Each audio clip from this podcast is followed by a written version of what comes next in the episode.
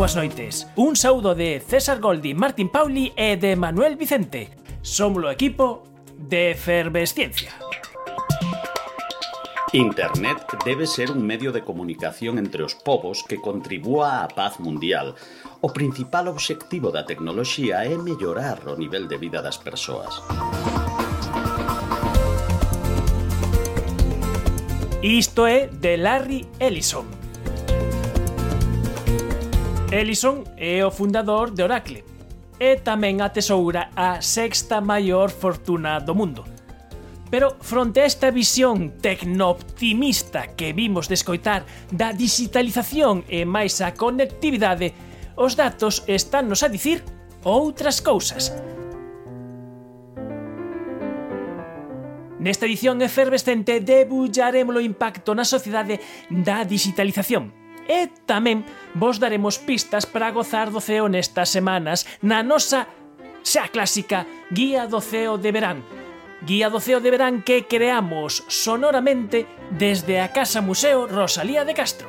Benvidos á efervesciencia, hai outros mundos, pero están neste. Efervesciencia. Doses de ciencias en contraindicacións. Patrocinado pola FECIT, Fundación Española para a Ciencia e a Tecnoloxía, Ministerio de Ciencia e Innovación, unha colaboración da Universidade de Santiago e a Radio Galega. Co apoio da Xencia Galega de Innovación da Xunta de Galicia. Desde hai uns anos vivimos nun mundo globalizado, hiperconectado e digitalizado. O que adoitamos pensar é que esta digitalización leva consigo un aumento de democracia, de transparencia e de acceso á información en todo o mundo.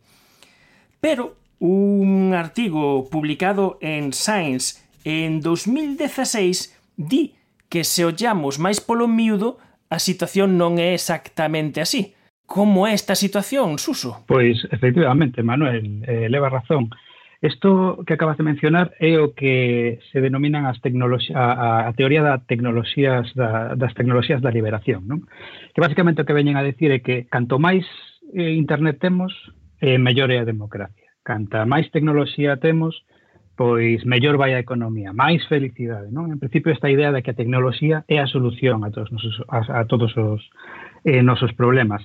E Mm, non cabe dúbida da, utilidade da, da tecnoloxía e da digitalización, eh? eu creo que temos exemplos máis de abondo. Pero tamén é certo que esta, estas tecnoloxías poden ter problemas, a digitalización pode, pode ter certos problemas. E había esta intuición, había teorías críticas, había xente que, que decía que isto podía ser así, pero hasta entón non houbera unha demostración, digamos así, científica de que esto estaba sendo así, de que había un caso, a lo menos, no que isto estaba sucedendo. Iso foi un pouco o que, o que nos puxemos en riba da mesa eh, neste artigo no que en Science, eh, no que pudemos demostrar un fenómeno tan complexo, verdad, como eso.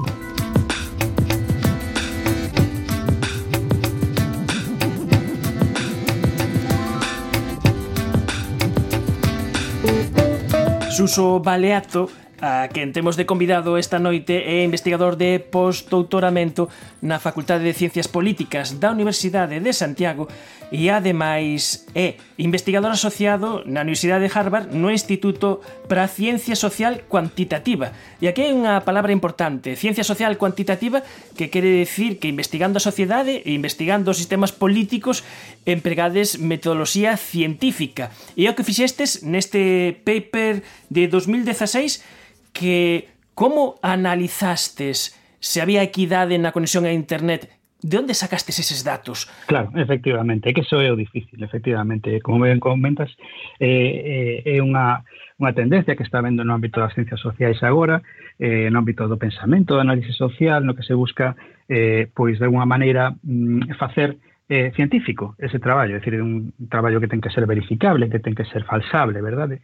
Eh, e iso implica, en certa medida, que sexa cuantificable. Para iso hai que medir os fenómenos que se queren observar. No, ámbito, no caso das ciencias sociais, en todo aquilo que concerne ao ser humano, ás sociedades humanas, isto é moi difícil, porque sempre hai cuestións de interpretación, hai eh, ideoloxías, etc. Entón, nos o que fixemos foi formalizar este problema centrándonos no feito de que eh, para avaliar os efectos políticos eh, da digitalización, o que hai que ter en conta en primeiro lugar é que non hai digitalización sen conectividade. Entón, o primeiro que fomos a ver é avaliar os niveis de conectividade. Se che quitan a, a conexión a internet, xa non tes acceso a todo o demais. Non podes conectarte ás redes sociais, non podes pedir cita eh, no médico, non podes ter teleformación, Entón, o, o que fomos a ver foi eso, ese, digamos, é a medida forte, a medida dura que, que, da que nos pode falar do, que nos pode falar da, do fenómeno da digitalización. Así que o que fixemos foi avaliar, ver en que medida había fenómenos de, de, de, de desigualdades ou de discriminación ou eh, variación na, na, na distribución da conectividade e queríamos facer un análisis global porque non queríamoslo facer solamente nun país ou nunha determinada cultura queríamoslo facer en todos os países tanto se eran democráticos como se non e necesitamos, necesitábamos ademais ver esa conectividade debaixo dos países, porque dentro dun mesmo país pode haber variacións nos niveis de conectividade, verdade? Entón, E non só iso, queríamos tamén ver esa, esa variación ao largo do tempo, porque a conectividade evoluciona ao largo do tempo. E claro, como, como obtemos esos datos?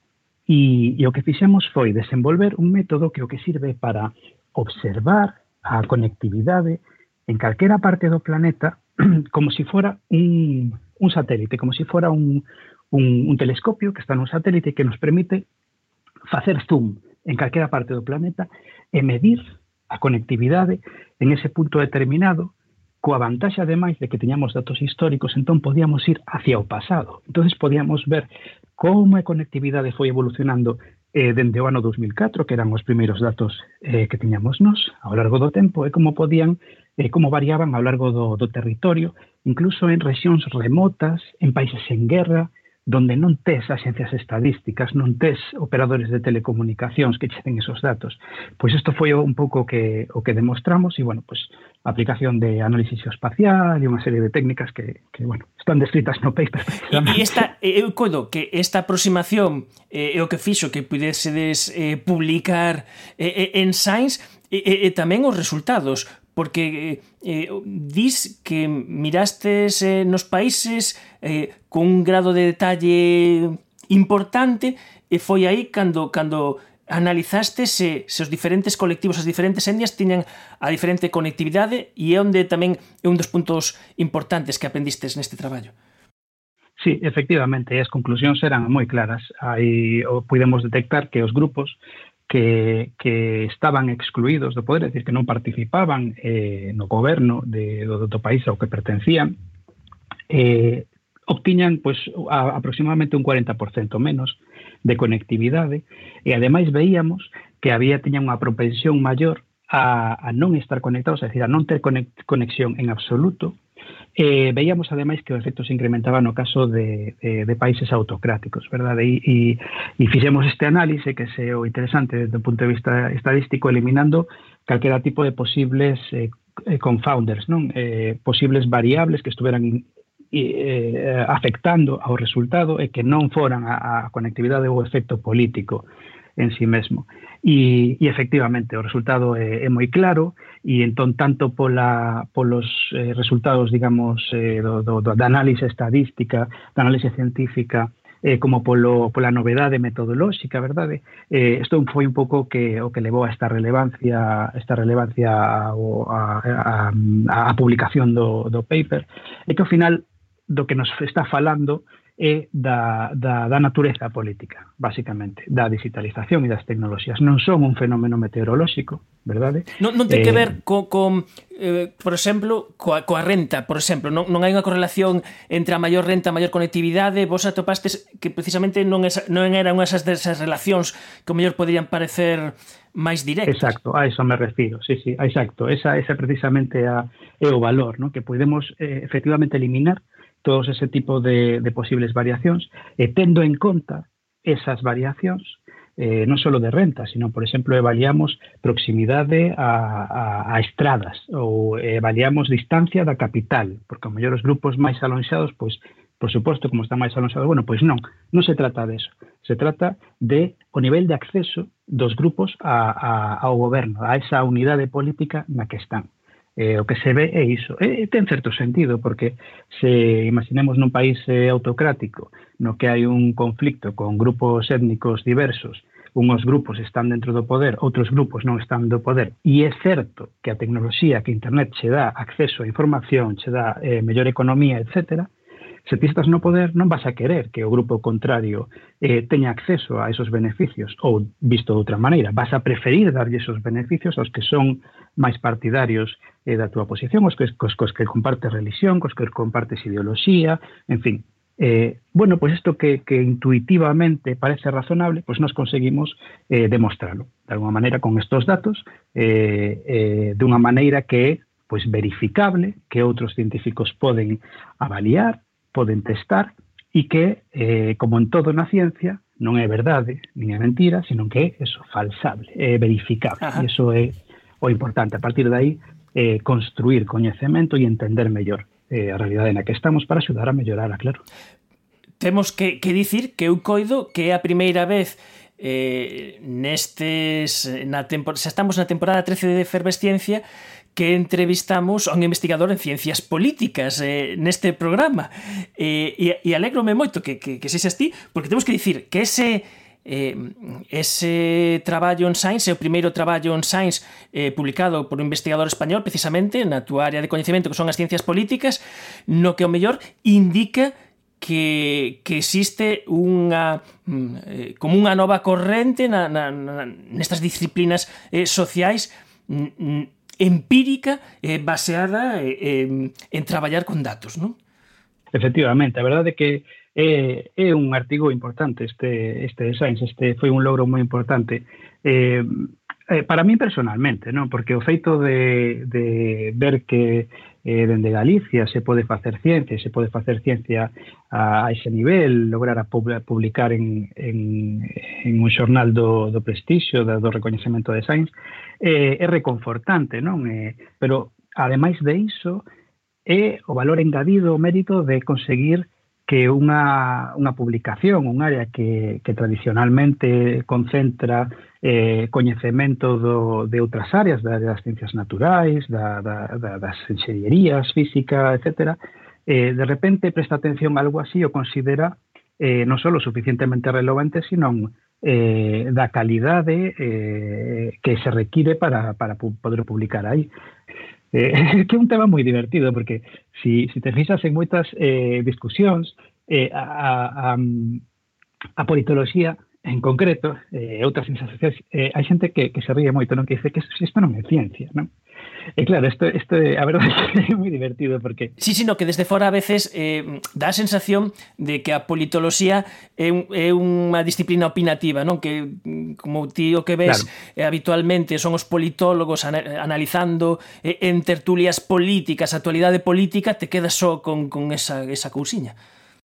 Claro, claro. E, e o certo é que en xeral os, o, os científicos sociais aparecemos moi pouquiño eh, na prensa, pero é que eu creo isto ten que, que ver como co, co tema este de que se tes un martillo, un martelo todos os problemas che, che parecen eh, clavos, non? Entón, eh, non sei, desde a túa propia disciplina, eh, ti solo valoras como válido aquelo que, que emprega as ferramentas e os paradigmas eh, que, que ti coñeces e, e os que estás afeitos. Non? Entón, se pensamos na ciencia, e pe, pe, pensamos nunha imaxe do que é un científico, pois se nos ven a todos a cabeza da, da, eh, de, de, de un científico con bata branca, non? un laboratorio, Pensamos no paradigma experimental da ciencia, non? Esta idea de que colles a, a dous grupos, do, do que sexa, de, de ratóns, de, de, de células, e tes un grupo de eh, control, eh, as condicións. Claro. Exacto, exacto. Perfecto, moi ben. Sí, sí, está, está, está, está, está lo explicándose. Ti, ti, ti, ti eres capaz de explicarlo moito mellor que a mí. No, no. Pero eh, sí, se, se, se, eso efectivamente ciencia, non? Non, non se pode cuestionar eso.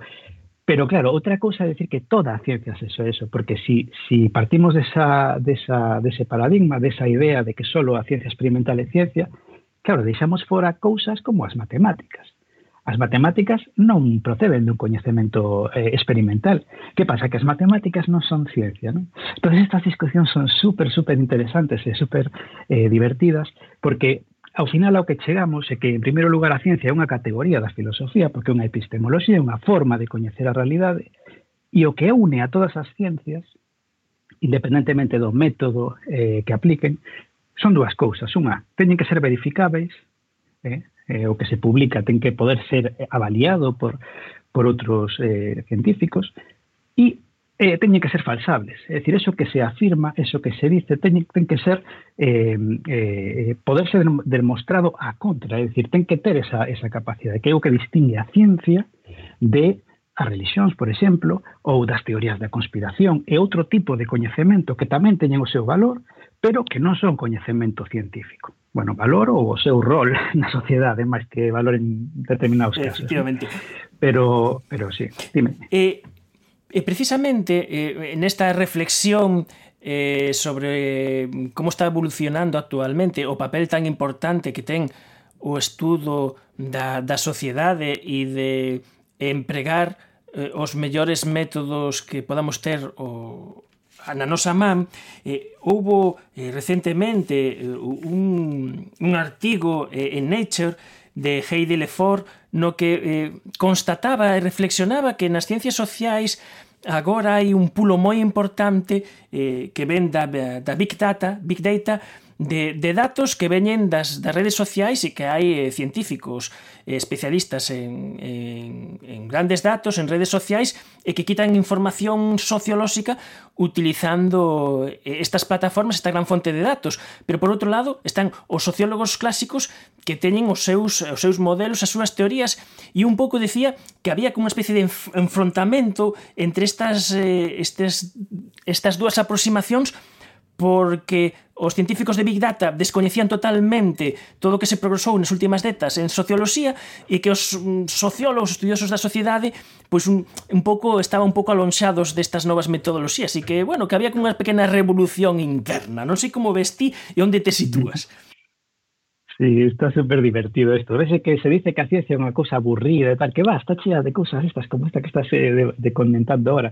Son súper interesantes e súper divertidas. Mira, con esta este, este, esta disponibilidade masiva de datos que empezamos a ter co, co, digitalización, con a adopción masiva de Internet, pensamos nos datos das redes sociais, por exemplo, eh, pero tamén datos de tomografía, datos de todo tipo, de repente, o que nos empecemos a encontrar foi que as ferramentas de análise que tiñamos eran tan sofisticadas que nos permitían olvidarnos da teoría e simplemente aplicar esas análises directamente aos datos de maneira que podíamos extraer patróns, patróns informacionais representados por esos datos que a súa vez podían ser conectados con esas teorías. Pero fíxate a diferencia. En vez de partir dunha teoría, establecer unhas hipóteses, definir as nosas medidas, operacionalizalas, tomar esas medidas, asegurándonos de que non hai sesgos, de que non hai ruido, de que o instrumento non afecta a medición, nos olvidamos de todo eso e vamos directamente aos datos e comezamos a analizarlos e empezamos a extraer cousas. E efectivamente, é unha aproximación moi interesante porque nos dá resultados superútiles, superinteresantes, pero ten problemas tamén, e ten problemas precisamente relacionados coa eh, falta de aplicación do método científico. E que, como decíamos antes, temos que operacionalizar esos datos. Generalmente o que facemos é definir os datos que queremos eh, medir. E aquí partimos de datos que outros produciron. Eh, os datos que se extraen, por exemplo, de redes sociais, non foron producidos para realizar ciencia. Foron producidos para Mm, bueno, pues para modelos de negocio, foron producidos para facilitar a comunicación da xente, foron producidos para moitas cousas, pero non foron pensados para que os científicos analicemos o, o, o comportamento humano, e o mesmo pois con, con outros eh, con outro tipo de datos, non? E aí é cando empezamos a ter problemas. Problemas típicos que temos aquí, pois todos que teñen que ver coa inteligencia artificial. Esos desenvolvementos que son absolutamente fascinantes, que nos permiten aplicar este tipo de, de, técnicas, non? as técnicas de, machine learning, nos permiten obter este tipo de datos e obter aplicacións que nos permiten identificar cousas, facer tarefas que para un ser humano ou incluso para equipos de seres humanos serían absolutamente impensables, pero que como traballan datos que non foron definidos previamente para a ciencia, eh, adolecen de sesgos e de problemas que levan a que, por exemplo, pois mira, eh, exemplos concretos, eh, isto acordarase ao mellor moita xente, estas ferramentas que sirven para eh, etiquetar eh, fotos. E sucedía que este eh, había algoritmos de, de, facial automatizado que, cando se empezan a probar, se, se, se encontra que eh, as persoas eh, de, de procedencia africana, como tiñan a pel máis oscura, as catalogaba como gorilas. Ou, por exemplo, sistemas de aprendizaxe automático que se utilizan en sistemas de selección de personal, que de repente, cando se empezan a probar, se descubre que están discriminando sistemáticamente as mulleres. Por qué? Pois porque os datos que se teñen de management de xestión se refiren basicamente a homes e, por tanto, discriminaban de forma automática as mulleres.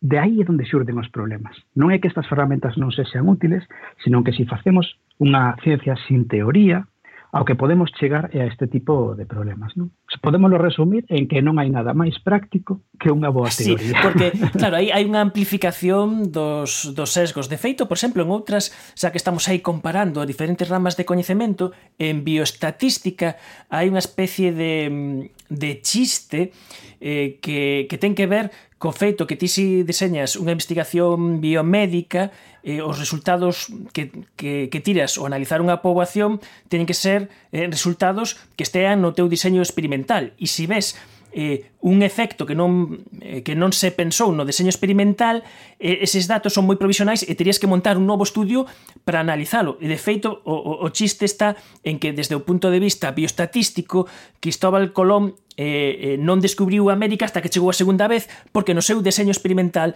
non estaba a descubrir América, senón ir ás Indias. Polo tanto, eh, realmente oh. só na segunda viaxe Cristóbal Colón descubriu América, bueno, realmente ainda non sabía que era América, que é un novo continente, non? Pero é, é unha levar unha exageración do que acontece, pero que ten un poquinho que ver con todo isto que estamos que estamos a falar. Necesito con urgencia transfusión de efervesciencia. Non temos tempo para máis, pero eu antes de despedirmonos quería contar eh, unha anécdota, unha anécdota destas que nos retrotrae a, a 2008, que foi a primeira vez que coñecín a Suso Baleato, que coñecín como ointe de efervesciencia, porque en 2008 fixemos a nosa primeir, o noso primeiro programa en exteriores, a primeira saída de efervesciencia, logo encantounos isto de sair, Anda. elevar os nosos micros fora, que fora na FNAC, un programa que, que metíamos e que cando saí ese programa, ese, gravámoslo na FNAC, foi eh, un programa no que participou eh, por primeira vez, tivemos por aí a Suso Mariño, a Castro Ribadulla, a César Goldi por primeira vez que o tivemos por aí, e resulta ¿Sí? que cando se estaba metindo ese programa, e Suso Baleato no seu receptor vía que non se escoitaba ben, e, e, e fixo unha cousa activa que foi moverse, chamar a Retegal, chamar o control central da, da Radio Galega a todos os sitios, e gracias a eso solucionouse ese problema, que tiñamos un problema de emisión que estaba a contra fase o noso audio e foi Suso Baleato que, que chamou, creo que chegaste a chamar hasta control central. Pois non, non recordo os detalles, pero bueno, sí, eh, eh, cadrame. non recordaba a anécdota, Manu. Pois... Pero sí, bueno, que... Sí. sí, sí, sí, no, eu acordo, eu acordo eh, moi gratamente. E, e unha última cousa, agora que, que sí. o lembro, vendo o teu, o teu currículum, hai tamén unha liña que di que dice por aí que o primeiro blog europeo é teu.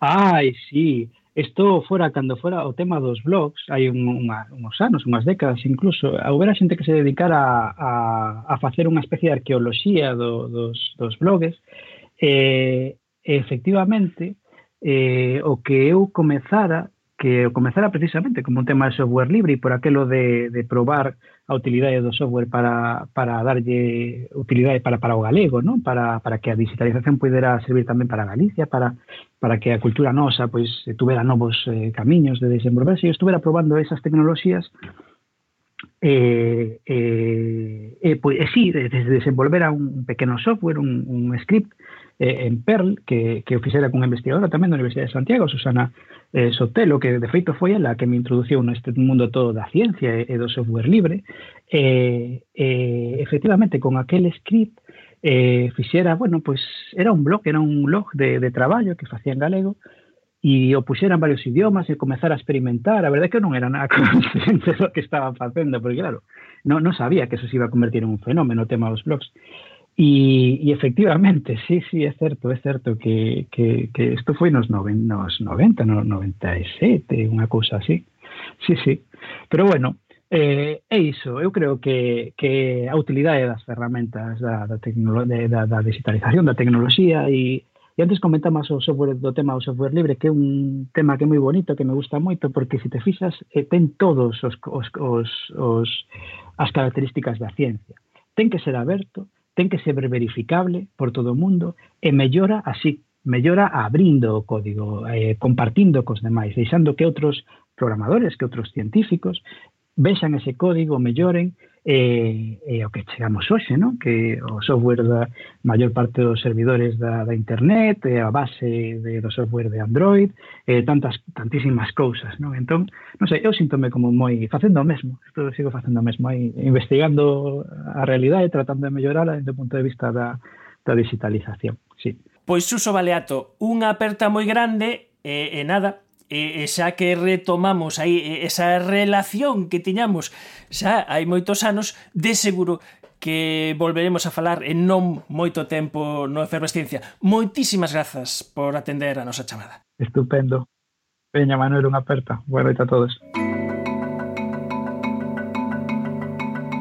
Dende a Asencia Galega de Innovación, dúas das nosas liñas estratégicas de actuación en consonancia coa Estrategia de Especialización Inteligente de Galicia son o emprendemento e a innovación aberta. Pedro Arenas, director da área de servizos do GAIN, a Axencia Galega de Innovación. Neste senso, creamos xa fai máis de cinco anos unha rede galega de aceleradoras de innovación.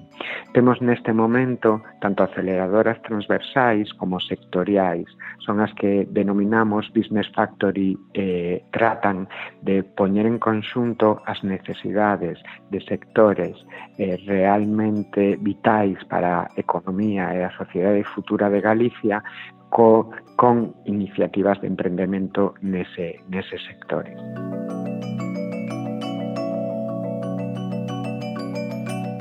Nos últimos cinco anos o Gaín deu o seu apoio a mil proxectos relacionados coas aceleradoras de innovación. As aceleradoras sectoriais teñen como obxecto detectar necesidades futuras dos sectores estratéxicos. Con estas necesidades, estes retos, lanzamos convocatorias nas que se presentan proxectos, novas iniciativas empresariais que teñan solucións a estes retos. Unha vez feita unha valoración e unha selección destas iniciativas empresariais, o que facemos é tratar de poñelos en contacto con mentores especializados de compañías tractoras e ofrecerlles, ademais deste mentorizase, asesoramento especializado, acceso a infraestructuras e tecnoloxías e financiación. Financiación que pode ser a fondo perdido ou a través de participación en capital e préstamos participativos. As tres aceleradoras sectoriais do Gaín son respectivamente a Business Factory Food no sector da alimentación, a Business Factory Auto no eido do automóvil e máis a Business Factory Aero do eido aeroespacial. Nestes dous últimos sectores, as convocatorias do GAIN de aceleradoras de innovación seguen abertas. Trátase da Business Factory Auto, a quinta edición desta aceleradora especializada no sector do automóvil.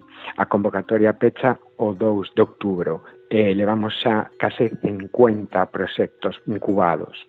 Temos a convocatoria tamén de Business Factory Aero para o sector dos avións non tripulados e dos vehículos non tripulados que cerra a súa terceira convocatoria o próximo 22 de outubro. A través dos seus dous itinerarios de incubación e aceleración xa apadrinamos a máis de seis novas iniciativas empresariais. Nestas aceleradoras participan importantes empresas como Cabezas Tractoras, como é PSA no sector da automoción ou Indra e Bacot no aeroespacial.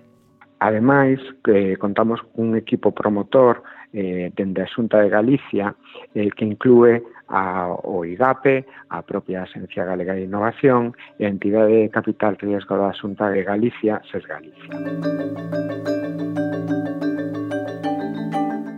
Finalizamos este tempo dedicado á innovación da man do Gain cun exemplo de caso de éxito destas aceleradoras de innovación sectoriais.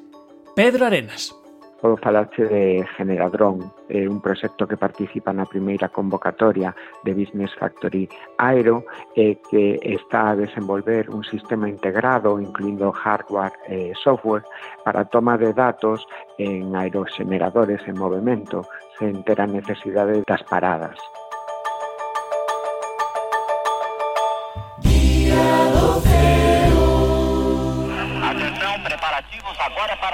A separação do primeiro estágio.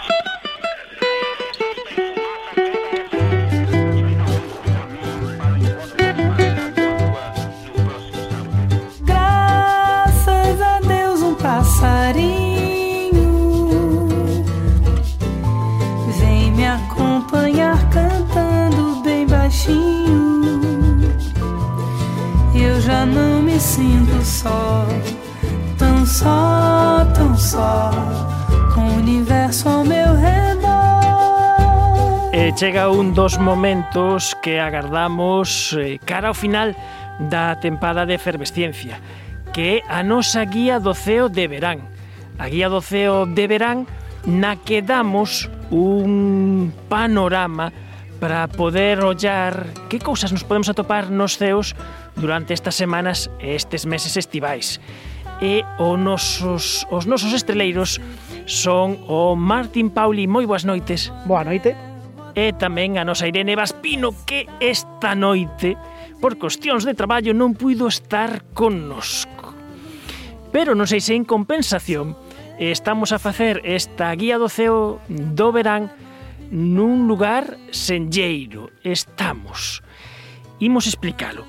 Estamos sentados nun banco de pedra, eh, debaixo dunha parra e á beira dunha casa moi importante para a nosa cultura. Anxo Angueira, moi boa noite. Hola, boa noite. Anxo Angueira, onde estamos? Pois estamos na Casa Rosalía. Estamos na Matanza, eh, no Concello de Padrón, na casa na que pasou os últimos anos Rosalía de Castro e na que morreu aí hoxe, 15 de xullo, Pois 135 anos. Creo. 135 anos. 135 anos. E no momento no que estamos a facer esta grabación, eh, estamos xa pola noite eh, nesta conmemoración dos 135 anos do pasamento de Rosalía e eh, unhas horas antes aquí houbo eh, esta homenaxe anual que lle facedes. Pois sí, todos os anos eh, lembramos este feito, eh, facemos unha homenaxe. Eh, os últimos anos facíamos unha festa moi masiva, popular, con actividades pos nenos, pos mozos, con recitais, con eh, bueno, con concertos, con conferencias, con visitas guiadas. Este ano, claro, non puido ser por, por motivos que coñecedes, pero ainda así fixamos un acto sinxelo humilde, pero un acto no que quixamos eh, contar un pouco os grandes feitos do ano pasado. E un dos grandes feitos deste último ano foi que, grazas á agrupación IO da Coruña, unha estrela recibise o nome de Rosalía de Castro.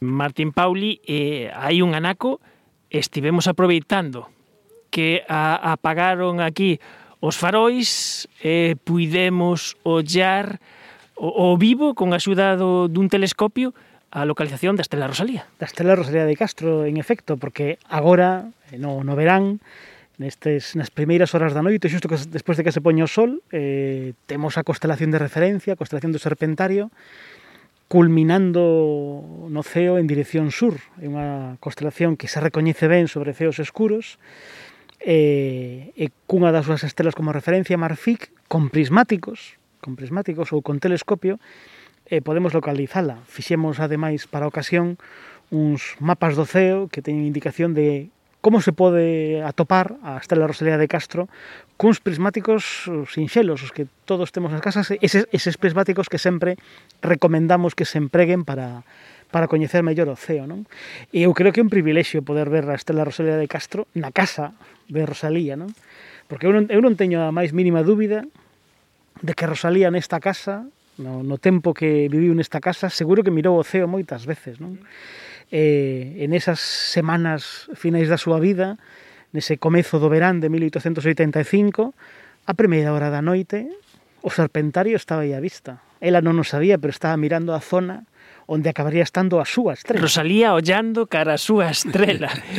o que fixemos o que fixemos esta noite porque eh, como fin desta festa un pouco rara como son os tempos que nos está a tocar a vivir, eh, montastes, organizastes unha observación co, co, agrupación IO, co, o noso amigo Martín e con Joan Cardelle. Pois sí, é unha actividade para completar o, o día, a celebración, unha actividade que xa da que xa faláramos cando se conseguiu levar adiante ese proxecto maravilloso, magnífico, eh? de, de darlle o nome de Rosalía a Estrela, xo faláramos, de, hai que facer unha observación da Estrela de Rosalía desde a casa de Rosalía. E hoxe, bueno, Cadrón.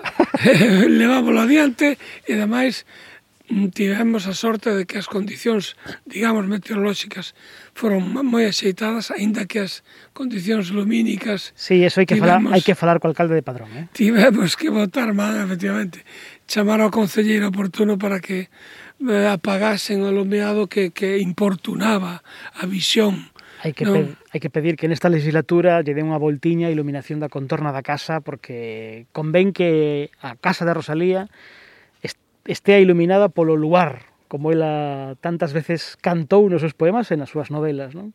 Porque unha cousa que falámoslo hoxe, falámoslo moitas veces, a obra de Rosalía está inzada de referencias á noite, eh, o ceo nocturno, a luz da lúa, a luz das estrelas, a sensación do luar, non? do luar que impregna os espazos dun tinte fantástico, des, desa sensación das noites de inverno que son frías, máis tamén ao, a atmosfera está especialmente transparente.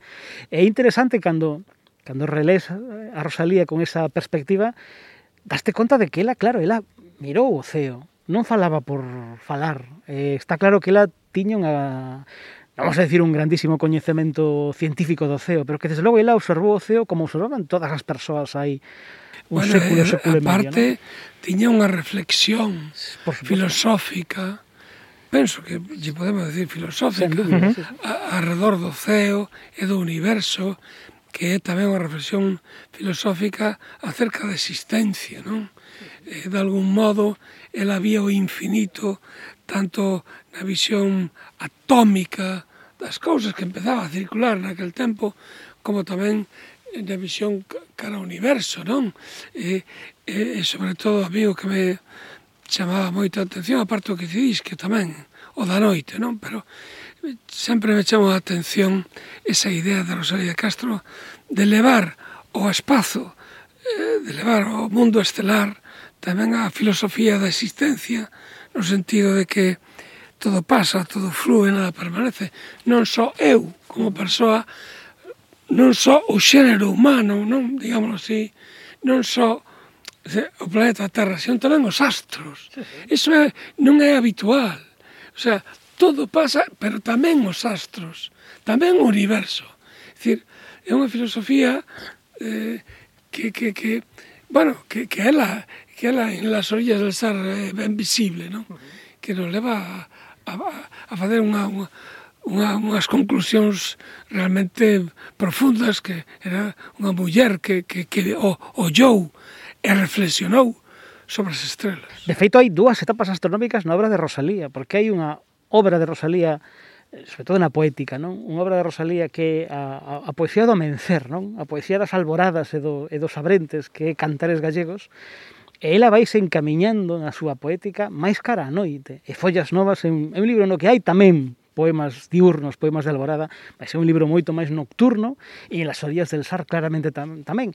E a noite en Rosalía, porque ás veces se pode ver esa visión aí máis máis chorona de Rosalía, non? A noite, a tristeza, non, a, Rosa, a noite a noite é compañeira, é a compañeira eh, a que está sempre aí, non? Desas, desa soidade, desas amarguras, máis a noite é tamén un refuxio, non? Para, Desde logo, para poeta. Aí Rosalía enlaza moi ben con, cunha corrente europea poética que ven, bueno, non sei de onde ven, pero polo menos que está en Novalis, que tamén lle canta a noite, non?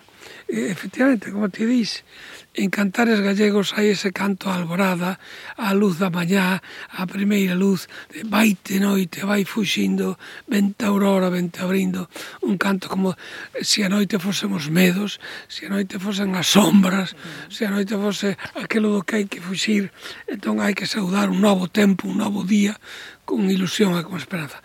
E, e, sin embargo, non. Sin embargo, depois en Follas Novas, eh, a beleza está na noite. A noite é buscada, non? A sombra ah, é buscada. Está buscada, é un refuxo. E, e como a noite non existe, porque detrás da noite sempre ven o día, hai o refuxo de buscar a, a noite no propio interior. En cada noite eu chorando pensaba, é dicir, pero ademais, é dicir, a noite é, é, en Rosalía de Castro é, é, un, é, un, é un espazo Eh, para mí, bueno, de ela mesma fala da súa propia estrela da súa propia estrela. Ou oh, ti, roxa estrela, que oh, comigo naciste. Non? Dicir, como o seu sino, non?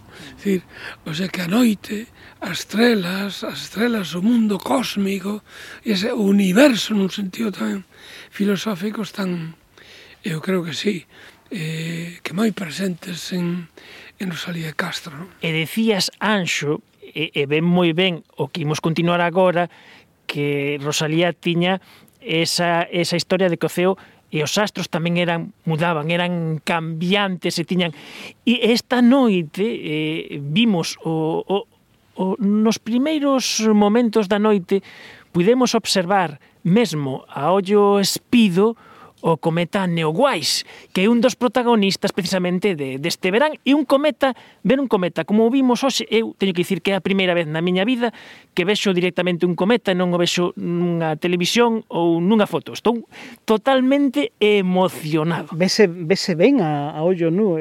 Este, unha, este cometa é unha sorpresa, non? porque na, nas previsións de comezos de ano non, non contábamos con este cometa. Este cometa foi descoberto aí eh, hai uns meses. O nome C2020 Neowise xa dá idea de que é un cometa eh, do trinque, no? eh, recén, recén descoberto, como a quen di. É un cometa que nos, nos está dando unhas alegrías, non sei se dicir, case que inesperadas. Non? A semana pasada podíamoslo ver eh, o amencer, con certa dificultade porque estaba moi baixiño, mas se recoñecía moi ben con prismáticos mesmo en ceos escuros se podía chegar a ver a simple vista, mas agora que o temos a, a tardiña, está se vendo de maravilla, está se vendo moi ben a, sim, a, a ollo nu, a simple vista, en espazos con, con algunha contaminación luminosa e ademais está a, a baixa altura, que é sempre a zona do ceo máis difícil de ver, a que está máis estragada pola contaminación e polas brétemas uh -huh. e por todo iso. E se ve moi ben. Eh, consellos... E con prismáticos de fábula, ademais. E nos prismáticos aquí son unha gran ventaxe. E consellos para ver, eh, ter liberados o, o perfil eh, horizonte eh, noreste... Noroeste, noroeste, está como noroeste. a referencia, pues, a, o, carro, do carro, o carro, o carro da Osa Maior é unha boa referencia, por aí buscalo, eh, nas, nas, nas primeiras, xusto no comezo do, do sol por, cando o sol se está poñendo, empeza gañando, a gañar algo xa de escuridade, nos próximos días, cando se emite este programa a semana que ven, indimos ter uns cantos días para seguir para seguir vendo, de feito vai estar un pouco despois eh, da emisión deste programa vai estar máis próximo a Terra, non?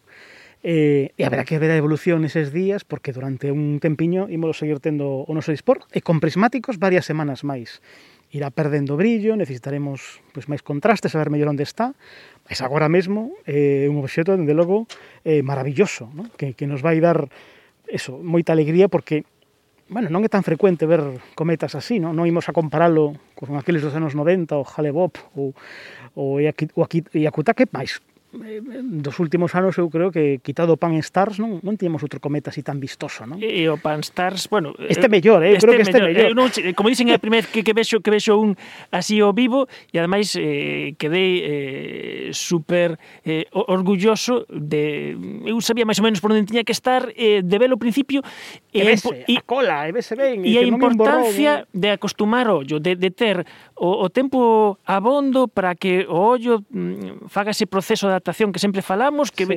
que esa media hora para que se acostume a, a escuridade. Efectivamente, esa é unha das condicións necesarias para ver a noite. Eso é o que seguramente gozaba Rosalía, non? E, e máis agora que temos tanta contaminación luminosa que nos estraga a visión do ceo en prácticamente todos os lugares, non? E que realmente, inda que esteamos nun sitio verdadeiramente escuro, a adaptación visual do ollo a noite, a escuridade, leva tempo, leva media hora polo menos, máis ben 40 minutos, non? E cada minuto que vai pasando vemos mellor esa experiencia que todos temos de estar no medio da noite nun sitio oscuro e ao principio non vemos nada e pouco a pouco se nos vai enchendo o ceo de estrelas. Non se nos enche o ceo, enchesenos, enchesenos o ollo, porque as estrelas estaban ali. O que pasa que é o noso ollo que non é capaz de, de recoñecelas ata que nos adotamos. Non? E, e imos facer un repaso Mm, rápido mm, dos, dos fitos para, para este verán. Eh, fundamentalmente, eh, como que planetas eh, imos poder ver durante estas semanas? Pois pues temos a Xúpiter e Saturno fantásticos porque están eh, prácticamente chegando a oposición e eh, iso quere dicir que os imos a ter toda a noite eh, o noso dispor e eh, cun brillo moi notable Xúpiter impresionante, por suposto Saturno non brilla tanto, mas con telescopio os anéis son sempre un aliciente e unha vez máis, recomendar tamén o uso de prismáticos. Xúpiter, que se distingue moi ben e brilla moito, con prismáticos se poden ver perfectamente cos prismáticos sinxelos os satélites de Xúpiter. Podemos experimentar cuns prismáticos de 30 euros ese descubrimento asombroso que fixo Galileo en 1610.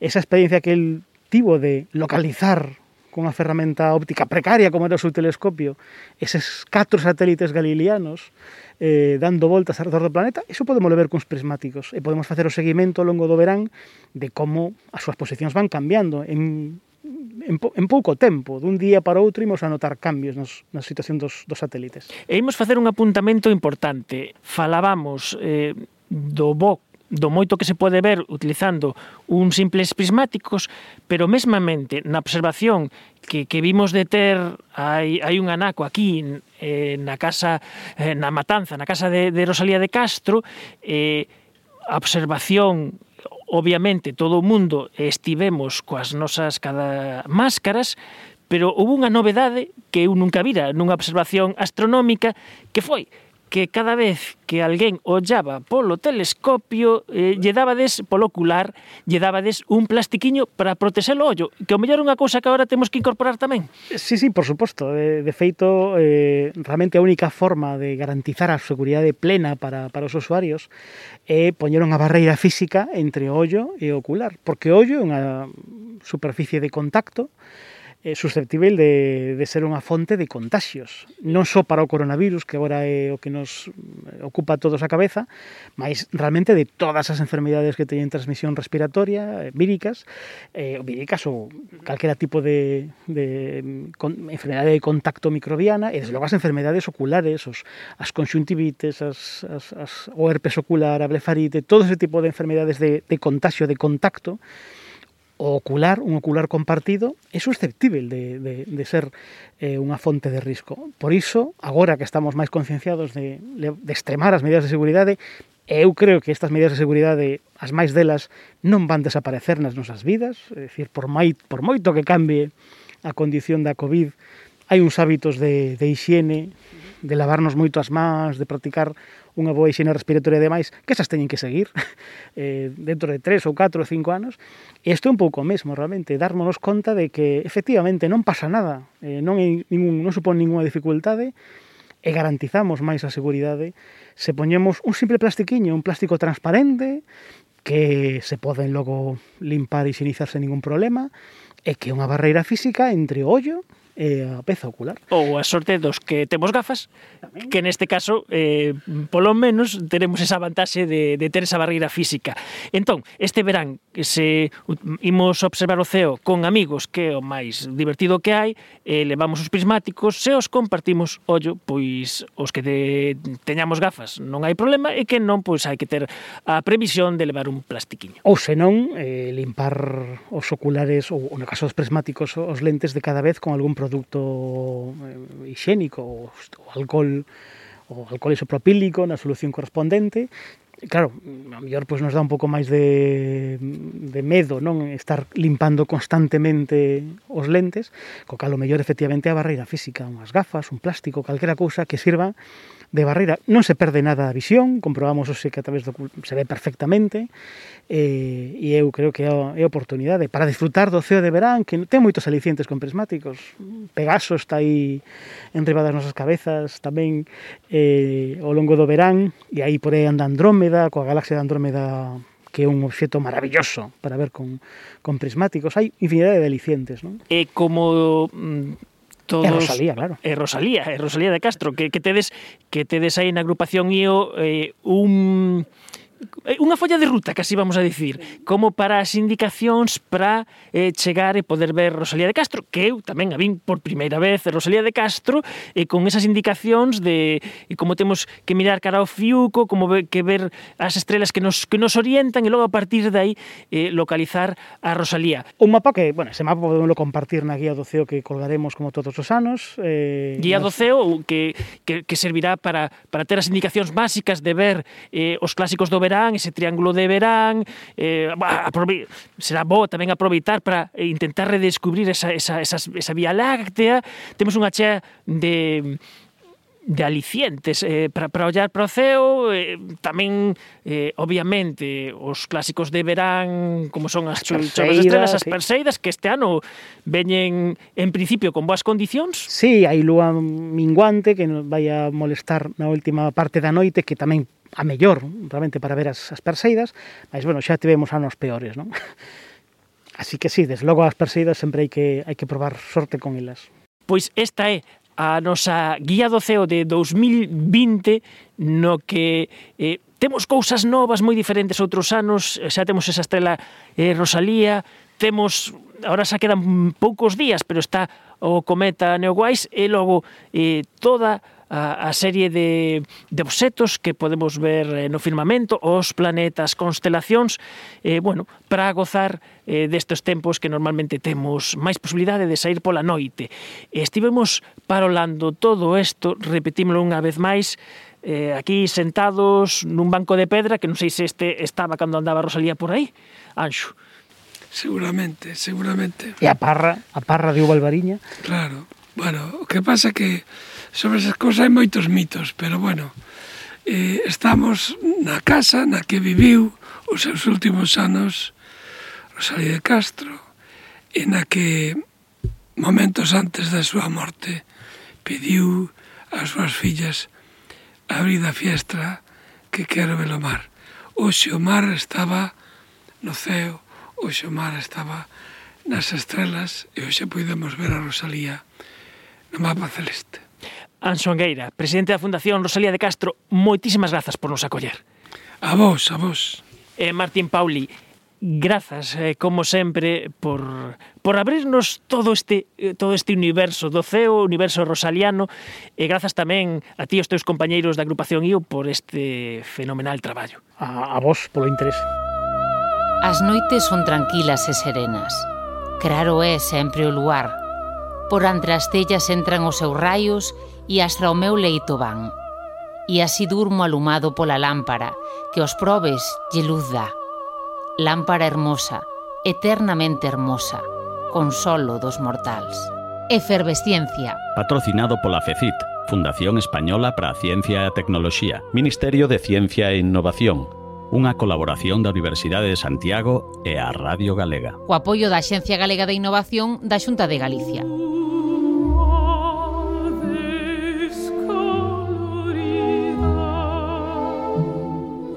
E marchamos sobre este Lúa descolorida de Osvaldo Golijov interpretado por Nadine Sierra e a Royal Philharmonic Orchestra. Adeus. Adeus.